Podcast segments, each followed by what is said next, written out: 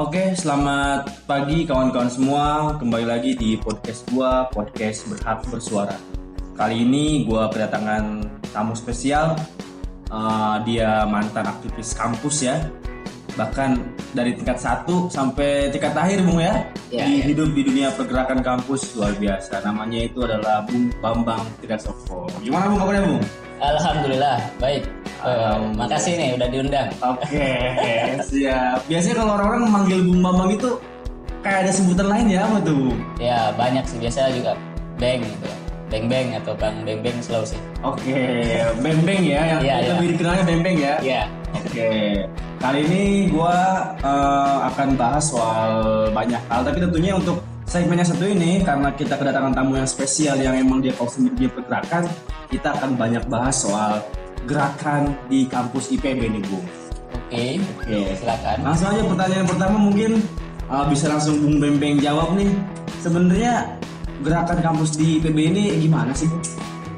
Terkait gerakan ya. Sebenarnya kan kalau ini kita banyak gerakan mahasiswa kan. Iya. Jadi kayak eh, ya sebagaimana mahasiswa itu hadir eh, menjawab persoalan-persoalan masyarakat, persoalan bangsa, khususnya seharusnya Hmm. di sekitar kampus ya kita sudah rangkul dulu gitu kan. Namanya gerakan kan eh, nggak sehar- nggak selamanya itu selalu bergerak vertikal. Iya. Dia ada eh, gerakan sosial politik dan juga sosial masyarakat, di mana kita juga mengimplementasikan ilmu-ilmu kita ke masyarakat sekitar Hmm. Dan itu sebenarnya bisa sinergi karena teman-teman yang ada di gerakan ini kan eh, memerlukan data-data lapang Hmm. data-data lapang riset kecil bagaimana untuk kemudian data-data itu diaudiensikan Iya, kepada iya. pangku-pangku kebijakan namun kan sekarang realitanya eh, kegiatan-kegiatan gerakan sosial politik dan juga gerakan sosial masyarakat di kampus IPB ini ada sedikit berjarak Oh, berjarak antara siapa tuh, Beng? Siapa dengan siapa?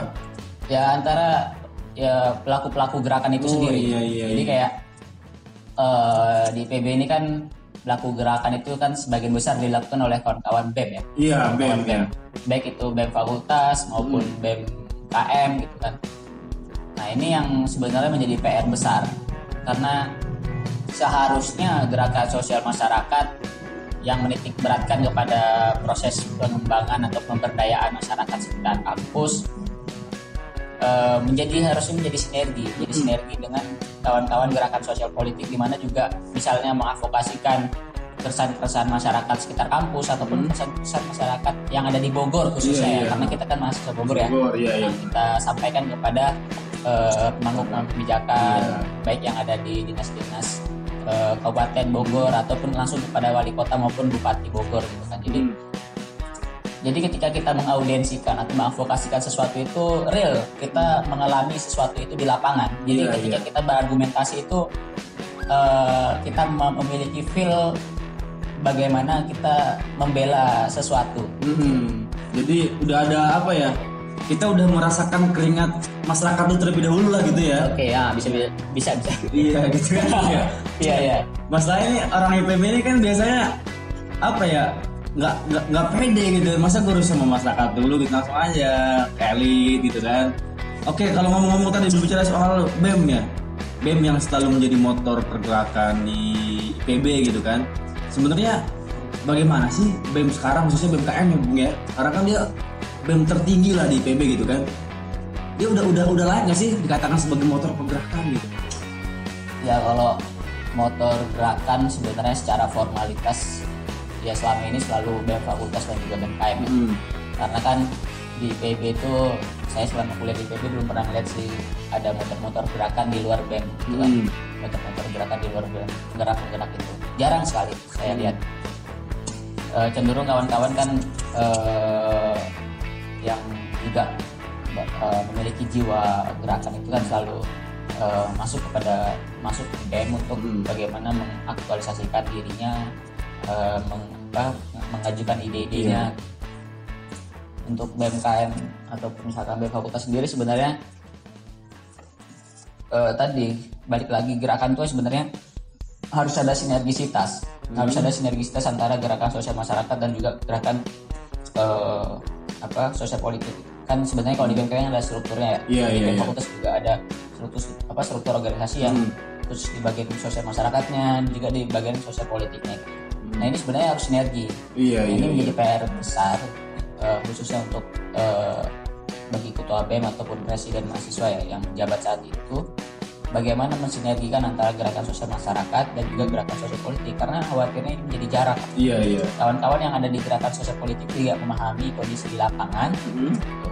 dan gerakan kawan-kawan yang ada di gerakan sosial masyarakat mereka eh, antipati terhadap gerakan sosial politik sehingga mereka berpaku kepada eh, ya udah saya hanya apa saya hanya memberdayakan masyarakat itu dalam bentuk gerakan saya padahal ini kan suatu sinergisitas Iya, gitu. iya, iya. jadi tidak ada yang tidak ada yang menegasikan gitu tidak ada yang saling menjatuhkan atau saling apa ya ber berkebalikan Iya. ini satu bentuk apa ya eh, satu ya ya. kesatuan gitu satu bentuk linear yang seharusnya saling mengisi Mm-mm. gitu, saling mengisi nah ini menjadi PR sebenarnya BMKM ataupun fakultas dalam gerakan ya khususnya Oke lanjut. Kalau kita ngomongin gerakan ya, BMKM kan karena kita ciri khas kita adalah kampus pertanian ya Bung ya. Hmm. Tapi kok saya beberapa hari ke belakang kok tidak melihat marok pertanian di gerakan IPB kan bahkan kemarin ngurusin DPT pemilu gitu kan. Terus apa ya? Isu-isu pertaniannya malah kok nggak nggak keangkat itu apa sih Bang yang yang, yang jadi masalah gitu?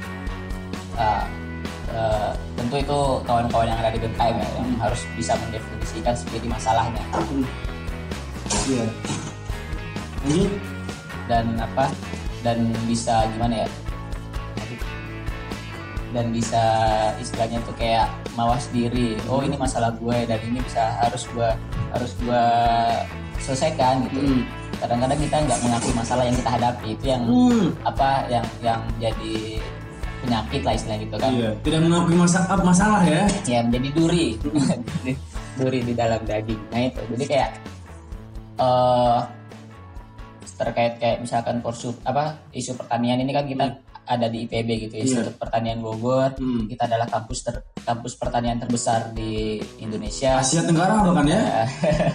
Iya kan? bisa harusnya Iya. gitu kan nah itu jadi kayak seharusnya kawan-kawan ini mulai mawas diri gitu berarti kayak eh oh gue ini harusnya lebih lebih apa ya lebih expert terhadap isu-isu yang berkaitan dengan pertanian Mm-mm. gue harusnya gitu Nah, soal kayak isu yang lain itu sebenarnya sah-sah saja tapi hanya sebagai pelengkap Mm. Nah, bukan satu bentuk hal utama yang harus didahulukan yang harus kita dahulukan adalah isu pertanian ini bagaimana kita eh, mensinergikan apa yang ada di gerakan kawan-kawan sosial masyarakat Hmm. karena kan sekitar kampus ini juga masih banyak yang berkegiatan dengan bertani ya Iya. gitu kita apa kita merasa beruntung karena kampus ITB ini sekitar kampusnya masih banyak orang-orang yang beraktivitas di sektor pertanian Iya iya. iya. Nah, seharusnya ini menjadi satu bentuk keuntungan bagi mahasiswa IPB untuk bagaimana kita eh, apa namanya? Kita bisa mulai menjejaki apa sih sebenarnya masalah yang dihadapi oleh eh, pelaku-pelaku sektor pertanian. Hmm, Sehingga iya, itu iya. menjadi satu bahan penting eh, bisa kita ajukan ke pemangku-pemangku kebijakan. Oke oke. Gitu. Jadi kayak eh ya tadi karena saya menitikkan menitik beratkan antara gerakan sosial masyarakat dan Hmm. juga gerakan sosial politik dan ini kan harus setara. Ya. Nah, jadi kalau ada namanya tuh logika gerakan yang gue pelajari sebenarnya. Jadi ada logika gerakan di mana dia bentuknya segitiga dan ini saling sinergis. Iya. Itu pertama eh, adalah eh, knowledge ya. Hmm. Itu knowledge ini eh, ya bukan yang pertama adalah frontier. Hmm. Frontier ini adalah mendobrak orang yang ada di depan gitu. Jadi kayak ya orang yang sering demo itu ya frontier gitu. Jadi kayak eh, dia akan selalu ada di depan dia apa eh, orang-orang di gerak apa di gerakan Hmm. eh. Nah, ada juga yang kedua adalah knowledge. Knowledge ini eh, knowledge. Oh, eh, knowledge ini apa ya? Produk atau produksi ilmu pengetahuan. Iya, Jadi iya. kayak eh, bagaimana memproduksi ilmu pengetahuan. Yang ketiga itu adalah empowerment atau pemberdayaan gitu, Hmm. atau yang ke lapangnya. Iya iya.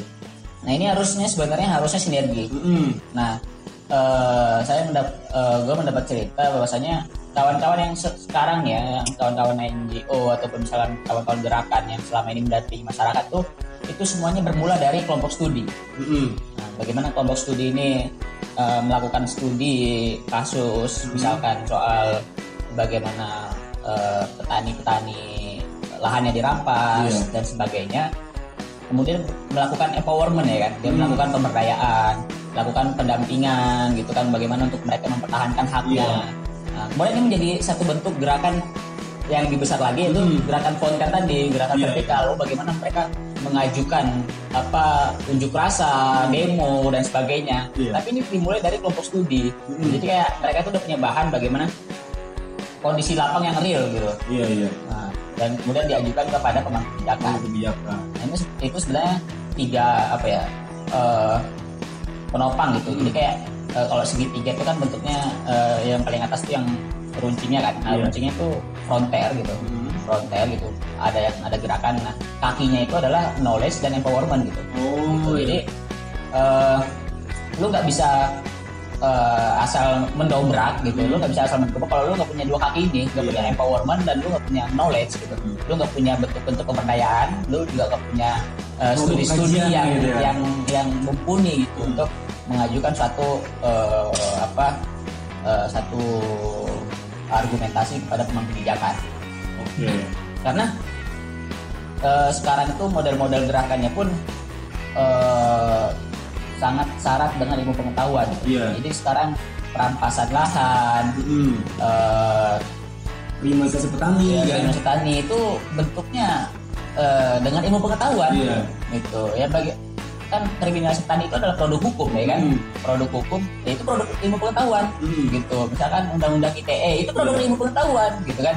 Misalkan petani merasa resah dan sebagainya, terus kemudian mengupload sesuatu di apa di media sosialnya, dibentuk itu adalah satu bentuk pencemaran nama baik gitu kan. Nah itu kan eh, hukumnya itu bisa di mereka bisa dipidanakan kan kawan-kawan petani ini. Nah itu produk hukum gitu kan, dia ada produknya. Hmm, iya, Nah, itu ada kan produk ilmu pengetahuan. ya. Kemudian kayak misalkan orang dirampas haknya, misalkan kayak eh, bikin ekowisata. Oh, ekowisata itu kan satu hal yang keren ya, Hmm. satu hal yang keren. Tapi di satu sisi ekowisata ini malah merampas eh, hak-hak petani, Iya. melakukan penggusuran gitu kan. Ruang hidupnya terampas lah ya. Ah, gitu. Jadi kayak eh eh, lu melakukan satu bentuk inovasi gitu kan ekowisata udah Iya. pakai eko gitu kan. Jadi kayak itu kan produk ilmu pengetahuan, Hmm. tapi kan cara-caranya eh, melakukan penggusuran dan sebagainya itu yang enggak kita tolerir sebenarnya harusnya. Iya iya. Nah, jadi bagaimana kita mengkanter suatu bentuk ya? Kanter ini ya, kanter isu ya gitu Iya. atau kanter Argumen tanding lah ya. Argumen tanding. Bagaimana kita menggunakan argumen tanding ya tadi kita harus menguatkan knowledge dan empowerment itu Hmm. gitu. Karena yang apa pemangku kebijakan atau eh, kebijakan-kebijakan yang kita tolak itu berpangku kepada knowledge dan empowerment Oh, iya. gitu. Jadi kita harus juga memiliki kaki itu, dua kaki itu Iya. untuk melakukan gerakan. Nah, ini yang sebenarnya gue balik lagi yang pertanyaan pertama ya. Iya. Itu yang kurang di apa ya? Kurang di dimiliki oleh mahasiswa itu uh, termasuk gue dulu juga gue merasa ya itu satu bentuk otokritik ke diri gue juga sih Hmm. jadi kayak gue merasa wah ternyata iya gitu ternyata kita penguatan empowerment dan juga knowledge itu kurang Iya iya jadi iya. kita hanya soal bagaimana bergerak bergerak cuman kan sebenarnya kalau sebagai mahasiswa sebenarnya itu hal itu hal biasa cuman eh, karena ini udah tahun 2020 ya Iya. Tahun 2020 eh, generasi juga semakin berkembang teknologi makin semakin berkembang jadi macam-macam gerakan tuh eh, banyak macamnya gitu Iya. bentuk-bentuk gerakan tuh eh, banyak sekali eh, macamnya yang bisa kita eksplor gitu. Mm-mm. sehingga eh, apa kita harus turun ke jalan yaitu eh, satu bentuk lain yang bisa Pilihan kita ya. Ah, dan pilihan-pilihan lain juga banyak nah ini Mm. yang mestinya kita godok gitu kan Mm. jadi nggak nggak harus monoton Mm. nah itu Iya iya. itu Sehingga jangan, jangan sampai ada lagi uh, produk ilmu pengetahuan ngambil dari blogspot gitu ya itu jangan dihindari lah ya hal yang begitu ya. seharusnya karena apa ya sekarang kan produk-produk ilmu pengetahuan te- tentang gerakan tuh banyak banget ya Hmm. Eh, udah banyak juga studi-studi kawan-kawan terkait misalkan eh, kendeng, Hmm. misalkan urut sewu yang sekarang lagi rame, kemudian juga soal gerakan kawan-kawan yang ada di Cerme, Iya. yang ada di Danau Toba dan sebagainya.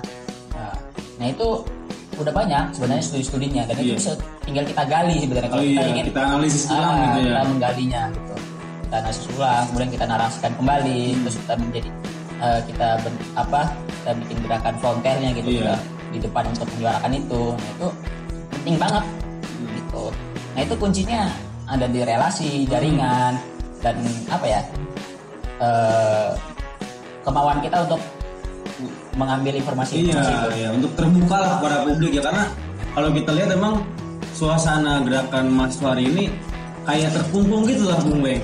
Terkungkung dalam artian enggak untuk berkolaborasi dengan kayak semacam misalnya NGO, aliansi masyarakat misalnya gitu ya. Nah itu menjadi problem juga ya. Hmm. Balik ke pertanyaan pertama, itu menjadi problem, problem dari mahasiswa. Eh, gue sering banget refleksi ya, eh, khusus untuk untuk eh, ke diri gue sendiri sebenarnya. Eh, gue uh, otomatis kayak gini. Eh, sebenarnya kita nggak pernah, sebenarnya kita hanya peduli kepada sang pembela, Mm. yaitu diri kita mahasiswa. Eh, hal ini terkait dengan eksistensi kita sebagai mahasiswa yang harus bergerak di samping masyarakat. Tapi kita satu sisi kita juga nggak pernah memperdulikan siapa yang kita bela Iya. atau apa yang kita bilang. Wa- Walaupun kita mengatasnamakan paket, tapi kita sebenarnya nggak pernah peduli dengan mereka. Kenapa? Karena kita nggak pernah ngobrol dengan subjek yang kita bela Iya, iya, iya. kita nggak pernah di- berdiskusi kita nggak pernah bahkan mungkin kalau yang paling ininya paling ekstrim kita nggak pernah merasakan apa sih yang mereka rasakan gitu kita nggak Iya. pernah tidur bareng mereka kita nggak pernah apa itu mungkin yang ekstrimnya lah kayak Iya. gitu. cuman kan minimal tuh kita pernah ngobrol pernah diskusi Hmm. walaupun misalkan eh, karena kita ada di Bogor kalau misalkan subjek yang kita bela ini di luar eh, misalkan di luar Bogor atau misalkan kalau Jawa Barat bisa bisa kita jangkau eh, di luar Jawa, Jawa Barat kita eh, pasti gerakan itu kalau semakin besar dia akan ke Jakarta ya karena kan Jakarta sebagai ibu kota eh, tempat di mana menyampaikan bentuk-bentuk eh, keresahan masyarakat Iya. nah seenggaknya ketika mereka menyambangi Jakarta untuk melakukan audiensi ke rumah-rumah kebijakan itu kita datang kita memperken- memperkenalkan diri gitu. Hmm. memperkenalkan diri di dalam rangka kita pengen tahu lebih dalam eh, persoalan yang mereka hadapi dan sebagainya. Dan kita memperkenalkan bahwa eh, saya mahasiswa gitu kan. Saya mahasiswa dan saya mendukung gerakan bapak itu kalau mungkin kalau gue mikirnya bagi masyarakat tuh kayak wah ternyata eh, gue apa saya dirampas haknya gitu kan misalkan gue gue dari kendeng nih gue diram atau gue dari timpang gitu kan gue dirampas haknya gitu oh ternyata teman-teman mahasiswa dari Bogor eh, Hadir. membela hadir gitu membela gue gitu kan membela saya gitu sehingga mereka juga semakin semangat gitu ternyata Hmm. mereka nggak sendirian Iya, iya, iya, iya. karena kan eh, kalau hanya di media sosial tuh eh, nggak semua orang ya eh, Hmm. bermain media sosial ya Apalagi masyarakat kecil gitu Iya, ya. apalagi masyarakat kecil yang mereka mungkin tidak kepikiran untuk eh, eh, melakukan media sosial gitu. Oke, kalau kita sekarang kan sebagai anak muda mungkin kuota atau media sosial itu udah kayak kebutuhan primer Iya. gitu ya. Aktualisasi Iya, gitu benar, benar. kebutuhan primer. Cuma kan mereka kalau di desa itu kan kebutuhan primernya makan gitu. Jadi mereka harus mencangkul dan sebagainya, harus bertani. Jadi mungkin nggak ada waktu untuk eh, bermain media sosial gitu atau untuk melihat sekedar oh apa ada yang mendukung gua gitu. Karena kan karena kan apa ya gerakan kayak sekarang kan udah banyak juga ya gerakan-gerakan masyarakat di apa kawan-kawan di daerah itu yang menggunakan media sosial. Nah platform-platform media itu yang bikin tuh ya anak-anak muda Mhm. untuk pemuda-pemuda desa di situ. Iya. Misalkan Kendeng gitu kan, misalkan Urut Sewu dan sebagainya itu ya turut, anak-anak turut menggerakkan Nah, gitu ya. itu anak-anak muda. Nah, itu sebenarnya kunci anak muda dan salah satunya ada mahasiswa di situ. Nah, makanya kan kita harus tahu sebenarnya kondisi realnya, kondisi yang dihadapi oleh masyarakat itu untuk kita juga ketika menyampaikan itu juga ngefeel gitu. Iya, konkret lah ya bahasa kerennya mah gitu gak sih? Bisa bila, bisa jadi. Iya, iya, iya, oke. Jadi gitu. Jadi berarti kalau ngomongin apa ya eh, kondisi gerakan tidak terlepas dari sistem yang dibuat itu sendiri ya, Mm-mm. ya kan? Kira-kira menurut Bu Mempeng sistem pergerakan di IPB ini khususnya di BMKM lah gitu, itu kayak gimana sih modelnya? Pad- Padahal kan sekarang sebenarnya BMKM ini kan diuntungkan jadi korsup pertanian lah di jaringan BEM seluruh Indonesia kan? Ya, sebenarnya itu nggak terlepas dari eh, apa ya birokratisasi Hmm. eh, kita gitu kita sebagai mahasiswa tapi kita udah udah layaknya kayak birokrat gitu Iya. banyak gerakan-gerakan itu terlalu formal Hmm.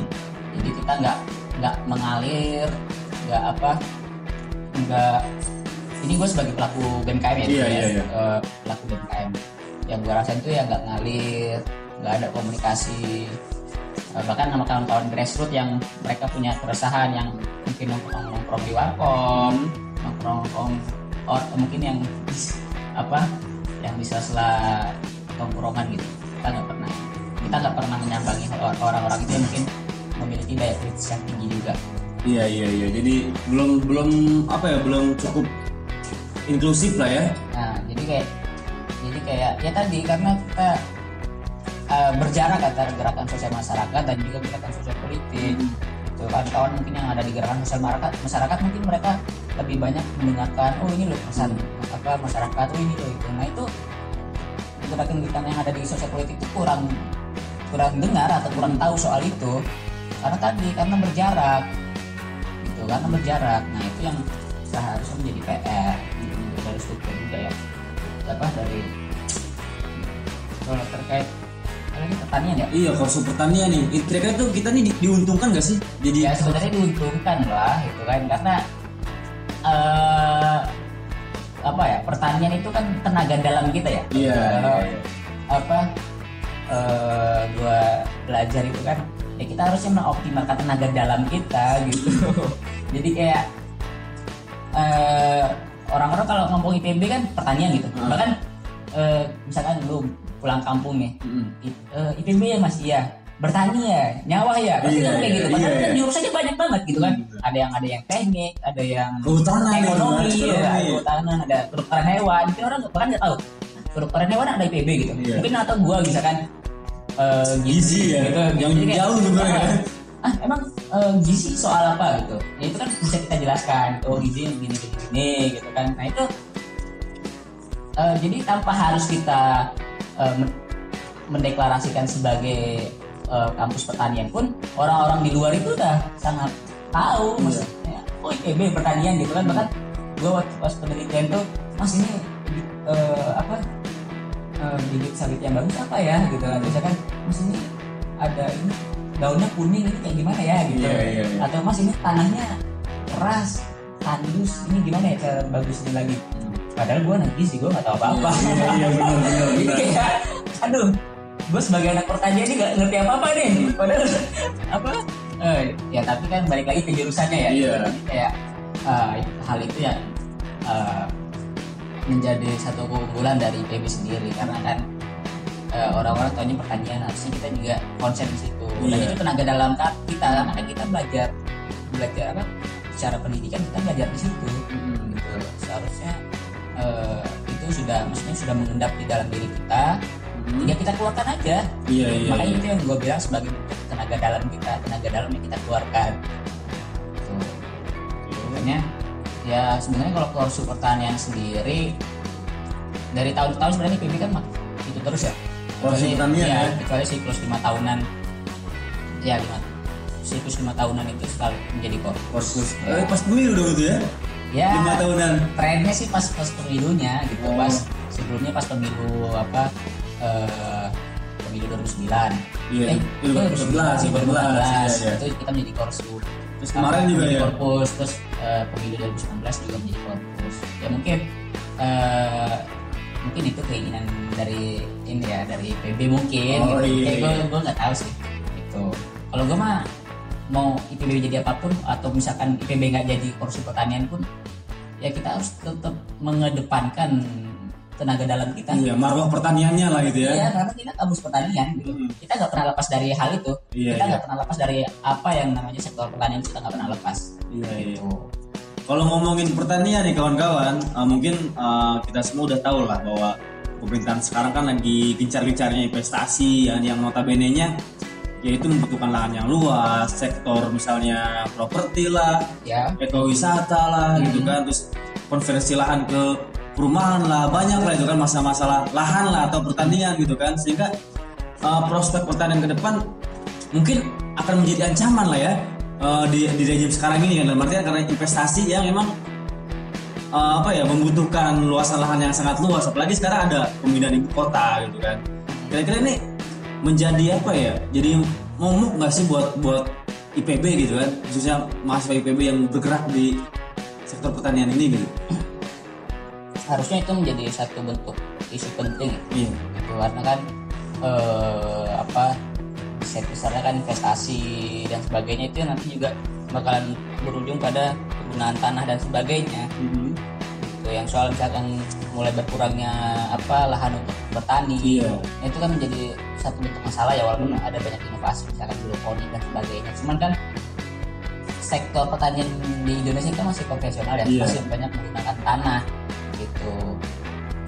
Dan lahan kita sebenarnya luas Mm-mm. cuman kan yang memiliki lahan ini persentasenya Siapa, berapa gitu? gitu kan? Persentase persentasenya berapa gitu. Kita yang rakyat kecil ini memperebutkan eh, berapa persen tanah Hmm. gitu kan? Nah itu kan jadi persoalan ketimpangan itu loh ketimpangan pemilihan lahan sehingga eh, sebenarnya kita bukan kekurangan lahan tapi ketimpangan lahan yang Ketimpangan kita penguasaan lahan iya gitu ya? itu yang menjadi masalah besar Emang siapa sih Bung yang yang menguasai lahannya kan? Siapa tahu nggak ada yang tahu nih. Kita kampus pertanian tapi nggak tahu yang menguasai lahan pertanian di Indonesia siapa aja sih? wah itu bisa kita cek sebenarnya kan di apa di websitenya ATR BPN Oh, ada udah, ya? udah banyak banget gitu sih Iya.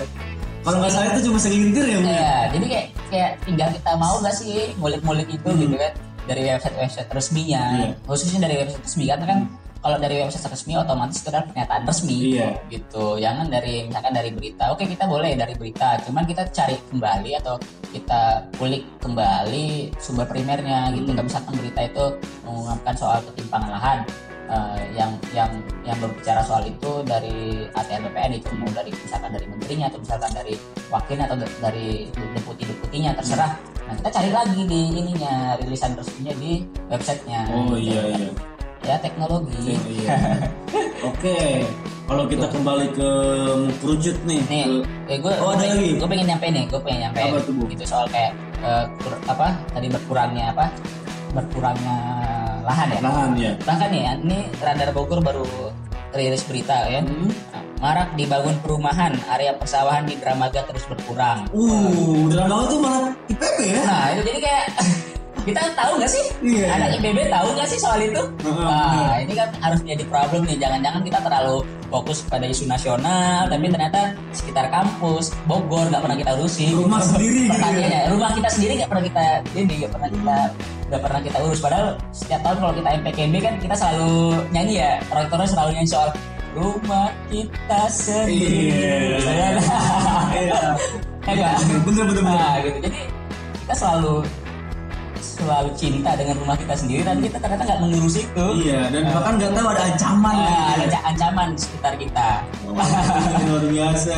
Berarti itu rilis terbaru ya? Hah? Lahan pertanian di Dermaga. Iya, ini berita baru loh, berita baru dari Radar Bogor. Radar Bogor media besar di Oh, Bogor. iya benar-benar udah udah ini ya. Aduh, luar biasa sekali. Berarti sebenarnya teman-teman para pendengar eh, ini mungkin bisa jadi bahan informasi ya buat teman-teman ya untuk coba lihat rumah sendiri nih ya. Jangan sampai bangga terhadap rumah sendiri padahal rumah kita sendiri pun sedang terancam. gitu. Iya, jendelanya kena badai, Iya. kan hilang gitu kan pintunya entah ke mana, digrogotin, udah mau roboh gitu kan, tapi ternyata kita mengurus ya.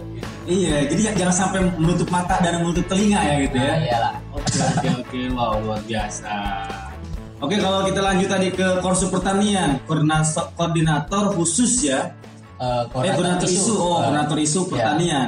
Sebenarnya kalau untuk satu tahun ke depan nih Bu Memeng, sebenarnya apa sih isu-isu strategis yang harus di apa ya yang harus dibedah lah oleh oleh mahasiswa IPB harus digerakkan oleh mahasiswa IPB karena isunya ini atau wacananya ini teman-teman kita di IPB ini katanya mau nggarap isu RU pertanahan katanya Bu Memeng. Kira-kira gimana tuh Bu Memeng? Oke, terkait kursu pertanian ya sebenarnya kita mau jadi kursu ataupun enggak, mau jadi kursu pertanian ataupun tidak, Hmm. ya seharusnya kita tetap mengedepankan isu pertanian. Iya iya. Karena tadi balik lagi yang gue bilang itu adalah tenaga dalam kita, gitu kan, itu adalah identitas kita. Gitu. Eh, masa kita nggak menonjolkan identitas kita Iya. sih? Gitu. Jadi kayak eh, itu harus kita tanamkan dulu ke dalam diri kita. Kemudian soal eh, isu ya, soal pemilihan isu sebenarnya eh, tahun depan itu atau tahun satu, tahun berjalan. Iya. ini banyak banget yang bisa kita garap ya. Mm-mm. banyak banget yang bisa kita garap tapi kan ada prioritas ya skala prioritas yang mungkin menjadi konsep kita. Eh, mungkin kita bisa mulai dari Bogor dulu.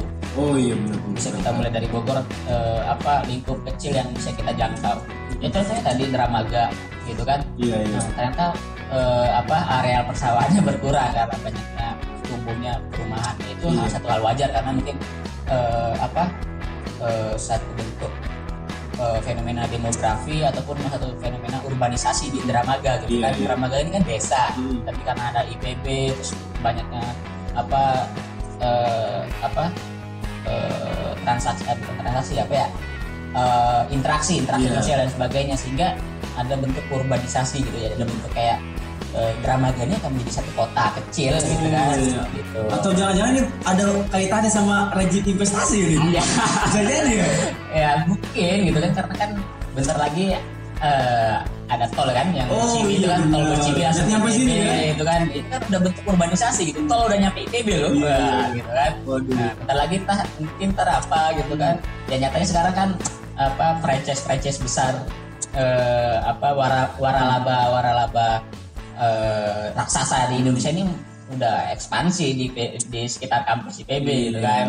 Gitu. Ya dulu gue waktu pas 4 tahun lalu masuk IPB kita mungkin kalau gue ya udah terbiasa agak eh, mungkin itu pilihan sih cuman eh, dulu apa eh, belum banyak gitu kan sekarang udah banyak. Nah ini kan eh, satu mungkin eh, satu keuntungan karena itu adalah apa eh, satu bentuk eh, apa ya likuiditas ya likuiditas Hmm. ekonomi gitu ya. gue nggak tahu istilahnya apa cuman apa ya eh, bentuk eh, perputaran uang lah gitu Iya, iya. Eh, semakin cepat dan bagus gitu kan nah cuman kan satu sisi kan kita harusnya mengedepankan juga ekonomi kerakyatan ya iya iya kayak UKM, koperasi koperasi khususnya yang ada di sekitar IPB. Iya, iya, benar. Kayak misalkan contoh kayak bara gitu-gitu, harusnya kan ada bentuk pemberdayaannya Iya, iya.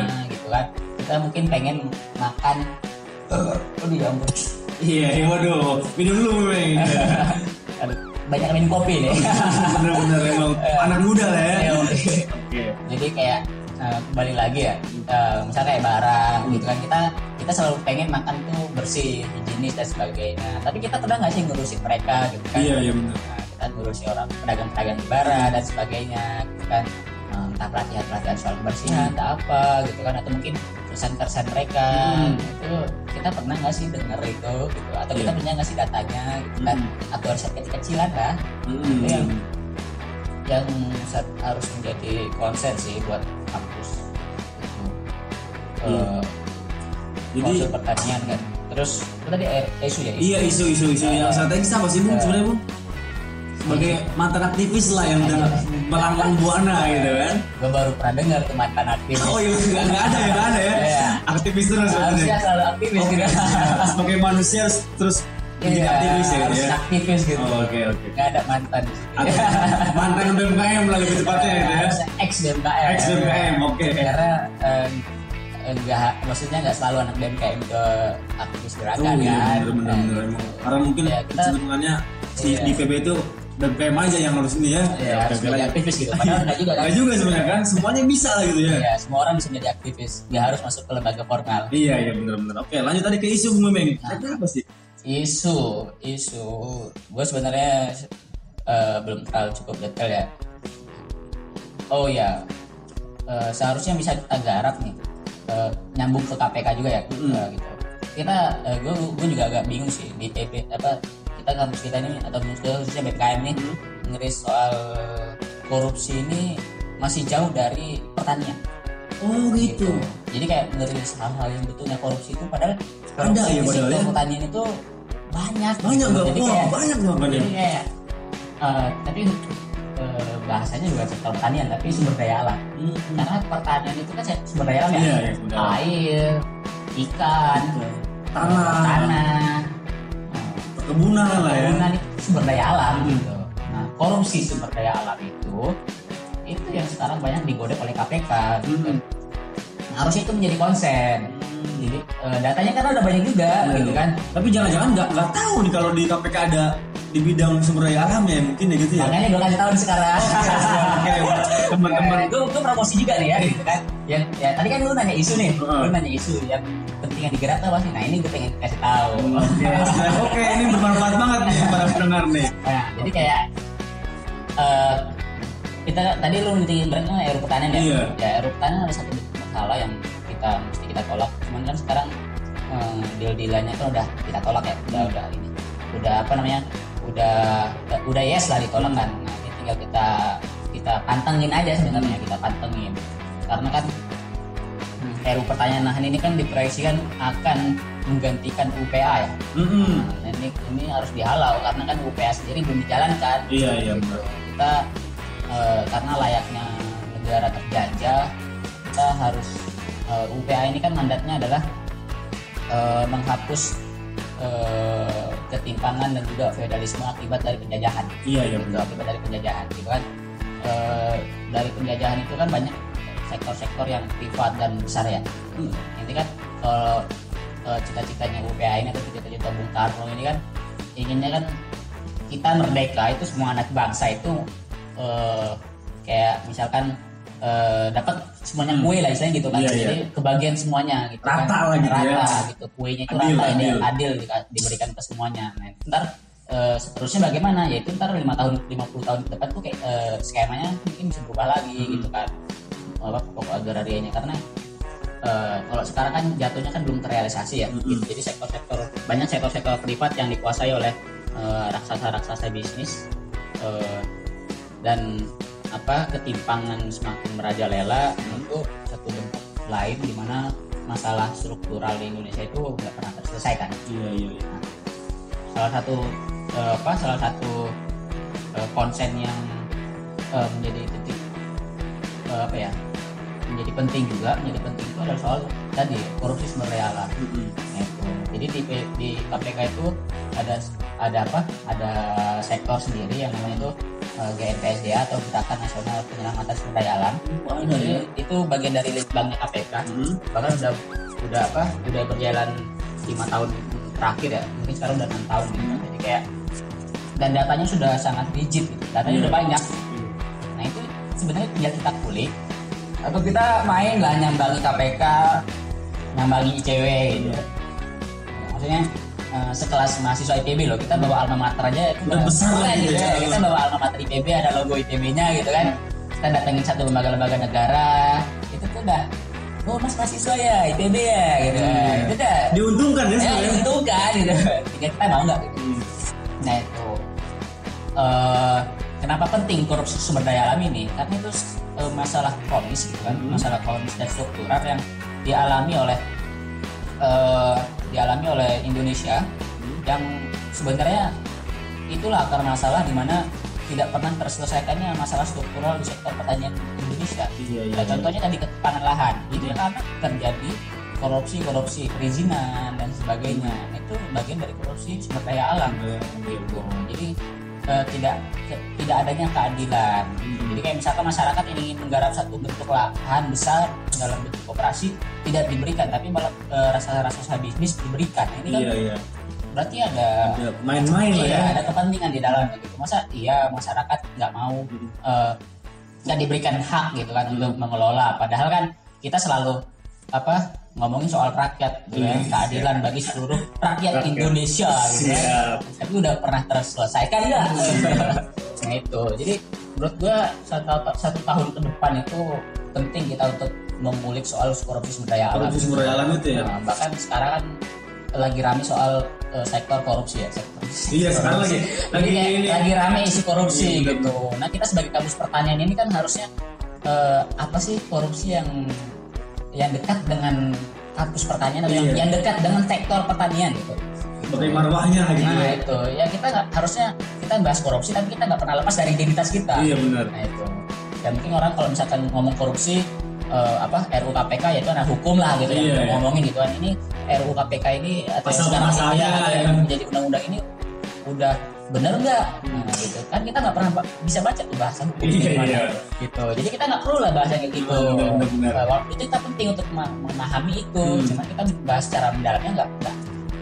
Menurutku nggak searjen dari kita harus membahas eh, korupsi yang berkaitan dengan sektor pertanian. Sektor pertanian yang sumber daya alam itu ya. korupsi sumber daya alam. Misalnya contoh nih gue kasih tahu Ya, masa nih di Kaltim eh, konsesi-konsesi eh, HTI atau tanaman industri atau konsesi perkebunan itu lebih luas daripada luasan daratan provinsi sendiri. Serius tuh bung. Nah, gimana coba? Iya. Lu jadi gimana coba?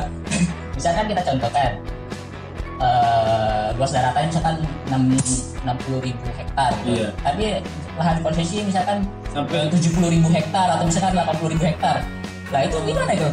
iya ya bisa bisa gitu ya, di Indonesia ya. ya masa bisa ekses gitu kan nah, aneh kan berarti kan ada tumpang tindih di dalamnya dan itu menjadi satu bentuk permasalahan struktural Hmm. soal pertanian gitu Iya, kan iya. misalkan penguasaan sektor tambang penguasaan sektor eh, perkebunan besar itu kan dimiliki oleh ini ya dimiliki oleh raksasa-raksasa Iya, bisnis dan, bisnis ya. dan tidak melibatkan masyarakat Nah, ini kan menjadi satu kerugian gitu karena ketika misalkan ada masuk konsesi ternyata tuh lahannya sudah digarap masyarakat masyarakat yang merugikan karena Iya, iya, mereka benar. digusur dan sebagainya Hmm. mereka bertani nah ini harus kita bela gitu Hmm. korupsi sumber daya alam ini adalah bentuk hulunya atau bentuk apa ya bentuk besarnya di mana Besar, ya. eh, kerangka besar yang menaungi permasalahan struktural Hmm. gitu korupsi sumber daya alam ini penyakit yang eh, selama ini menggerogoti Indonesia menggerogoti menggerogoti bangsa kita Hmm. yang nggak pernah terselesaikan Iya iya iya. karena korupsi sumber daya alam ini kan eh, istilahnya Sensitif lah ya. ya sensitif gitu uangnya banyak Iya. Saya juga tadi kaget bung. Ternyata apa luas konsesi itu lebih lebih besar dari daratan Kalimantan. nah itu daratan kali Kaltim sendiri Kaltim ya Kalimantan Timur ya. itu kan permasalahan tuh Iya iya nah itu berkaitan dengan sektor pertanian kita harus concern ke sana Iya iya. gitu. jadi kayak eh, kita ngomongin korupsi tapi kayaknya kerangkanya itu Masih umum umum gitu lah ya. umum nggak ya nggak absurd juga maksudnya umum gitu maksudnya ah, eh, itu penting kita bahas tapi ah, harusnya secara maksudnya spesifik lagi ada namanya korupsi sumber daya alam Iya iya. sumber daya alam itu berkaitan dengan sektor pertanian karena sektor pertanian itu adalah sumber daya alam Iya iya benar benar. Gitu. bahasa lainnya adalah sumber daya alam kan sektor pertanian ya sawah padi itu kan sumber daya alam. Iya iya. Jadi kalau menurut Bung Bima sendiri itu menjadi isu strategis untuk tahun ke depan. Ya. harusnya gitu harusnya. Dan kita bisa eh, menjadikan itu gerakan besar. Karena kan orang yang konsen di korupsi itu kan banyak. Banyak banyak nah. besar gitu. Tapi yang di pertaniannya yang dikit lah ya. Oh, korupsi di sektor pertanian dan korupsi alam ini belum banyak padahal kan harusnya kita bergerak di sana juga Bahkan mungkin jadi motor lah ya, jadi motor. harusnya jadi motor dong kampus pertanian terbesar di Indonesia Iya iya. Wah luar biasa. Jadi kayak RU pertanahan itu adalah satu salah satu bentuk dari korupsi sumber daya alam. Jadi kerangka besar itu adalah sumber daya alam. Sumber daya alam itu ya. Gitu. Nah di apa di RU pertanahan itu ingin mengatur sumber daya alam. Oh iya khususnya tanah. Iya, iya. Gitu. Karpet merah buat pengkorupsi Iya, itulah ya. Iya, jadi kayak bank tanah dan sebagainya. Itu kan kelanjutan dari eh, apa praktek-praktek korupsi sumber daya alam. Oke oke oke oke. Buat kawan-kawan IPP nampaknya eh, penting nih kita nih untuk apa? Untuk membedah korupsi sumber daya alam. Karena tadi menurut eh, narasumber kita hari ini bahwa terjadi banyak masalah di sumber daya alam, khususnya di sektor korupsinya itu teman-teman semua. Jadi harapannya ke depan bisalah kita kita masuk ke ranah itu ya bung ya. Harusnya gitu. Udah harusnya gitu maksudnya eh, harus wajib Wajib ya. Iya. Waduh bener ini udah udah fardu ain lah. Fardu ain. Iya. Oke oke oke oke. Nah, karena kalau kita melihat ya kalau kita berbicara pergerakan secara formal lah gitu ya, baik BEM fakultas, baik BMKM, ini kan masih baru-baru lah ya, masih hangat-hangatnya ya, belum belum terlambat lah ya buat buat garap ke sana gitu kan. Iya, ya karena kan baru-baru masih baru awal pengurusan ya Hmm. gitu. Eh, dan maksudnya mungkin eh, pertanyaan ini adalah satu salah satu opsi tapi harusnya opsi besarnya itu adalah eh, korupsi sumber daya alam itu yang harusnya menjadi concern kita seharusnya sih Oke, oke luar biasa sekali Bambang Uh, untuk apa untuk narasumber kita kali ini banyak sekali uh, apa ya inspirasi motivasi masukan buat gerakan IPB ke depan gitu kan mungkin eh, untuk menutup atau mengakhiri perbincangan kita hari ini, mungkin adakah eh, sepatah dua patah atau motivasi lah buat gerakan eh, KM IPB ini harus gimana gitu kan? Mungkin silakan Umami. Eh, mungkin eh, untuk dariku ini kayak balik lagi ya ke ini ya ke apa namanya ke pernyataan di awal gitu kan seharusnya kita eh, mulai konsen bagaimana eh, eh, gerakan sosial masyarakat dan gerakan so- sosial politik di IBB khususnya yang ada di struktural bank KM dan juga BEM Fakultas ini menjadi sinergi. Eh, di mana kita mengamalkan logika gerakan yang tadi ya mengamalkan logika gerakan di mana fronter ini atau orang yang selalu turun ke jalan ini memiliki dua kaki yaitu eh, knowledge dan juga empowerment gitu kan produksi pengetahuan dan juga bentuk kepercayaan di lapang gitu. Jadi kayak itu harus menjadi dua kaki kita bagaimana untuk mengadvokasikan eh, kepada bentuk apa ke mampu kebijakan. Nah, itu menjadi cukup penting. Kemudian eh, karena kita ada ada di kampus pertanian maka eh, sudah sewajarnya atau sudah seyogyanya kita eh, mengedepankan atau kita mengeluarkan tenaga dalam kita sebagai mahasiswa pertanian gitu. Harusnya kita expert di sana jangan sampai kita malah nggak expert di sana. Nah, itu menjadi eh, apa? Catatan lah ya. catatan penting gue yang kedua gitu kan. Yang ketiga ya tadi balik lagi eh, isu korupsi di Indonesia ini eh, mulai membludak. Nah, sehingga kita harus mengambil posisi mengambil momentum eh, soal isu korupsi di Indonesia yang secara khusus bagi kita kampus pertanian. Kita membahas korupsi sumber daya alam karena hal itu yang berkaitan dengan sektor pertanian karena per- mengo- apa membicarakan soal sektor pertanian itu eh, berkaitan erat dengan pemberdayaan apa eh, sumber daya alam itu sendiri. Itu eh, tiga poin penting dari gue ya. Yang pertama adalah kita harus mengamalkan logika gerakan nah, buat sinergisitas antara eh, sosial masyarakat dan sosial politik. Kemudian yang kedua adalah eh, tadi apa? Ya korupsi sumber daya alam. Eh, bukan korupsi ya sebelumnya. Eh, Eh, ini apa sinergitas mungkin bukan guys kita sebelum korupsi sumber daya alam itu sebelum itu tadi oh tenaga dalam. Tenaga dalam iya iya. Eh, marwah ya pertanyaannya. pertanyaan itu. Jadi kita yang pertama tadi yang pertama adalah Logika sinergis- gerakan. logika gerakan. Yang kedua adalah tenaga dalam kita sebagai kampus pertanian. Yang ketiga adalah isu yang kita pilih se- sesuai dengan momentum kita hari ini ya tadi kan korupsi sumber daya alam itu Oke. menjadi tiga poin penting sebenarnya berbicara soal gerakan mahasiswa di kampus pertanian Oke, terima kasih banyak Bung Bembeng atas eh, pembicaraannya hari ini. Semoga bermanfaat buat para pendengar semua. Yang jelas, eh, kalau saya boleh menyimpulkan dari hasil pembicaraan ini, ada tiga poin penting yang disarankan atau dikasih masukan dari Bung Bembeng ini. Yaitu tadi, yang pertama kita harus eh, mengerti dulu nih logika berpikir kita. Karena kalau istilah katanya itu jangan sampai kita ini sesat pikir lalu sesat tindak gitu kan. Terus kemudian juga IPB sebagai kampus pertanian sudah seharusnya kita mengeluarkan tenaga tenaga dalam kita sebagai marwah kampus pertanian yang identiknya dengan uh, kondisi atau permasalahan pertanian. Kemudian yang ketiga uh, karena sekarang ini Indonesia sedang marak-maraknya uh, korupsi sumber daya alam yang itu uh, notabene-nya adalah merupakan sektor pertanian, harusnya KM IPB khususnya mahasiswa IPB itu turut andil dalam mengawal isu atau kebijakan-kebijakan yang berkaitan dengan sumber daya alam yang itu merupakan banyak tindak pidana korupsi Jadi ladang korupsi. dalamnya, ladang korupsi di sana. Oke, sampai jumpa. Semoga bermanfaat. Semoga kita dapat bertemu di segmen-segmen selanjutnya yang tak kalah menariknya. Oke, salam pergerakan. Merdeka! merdeka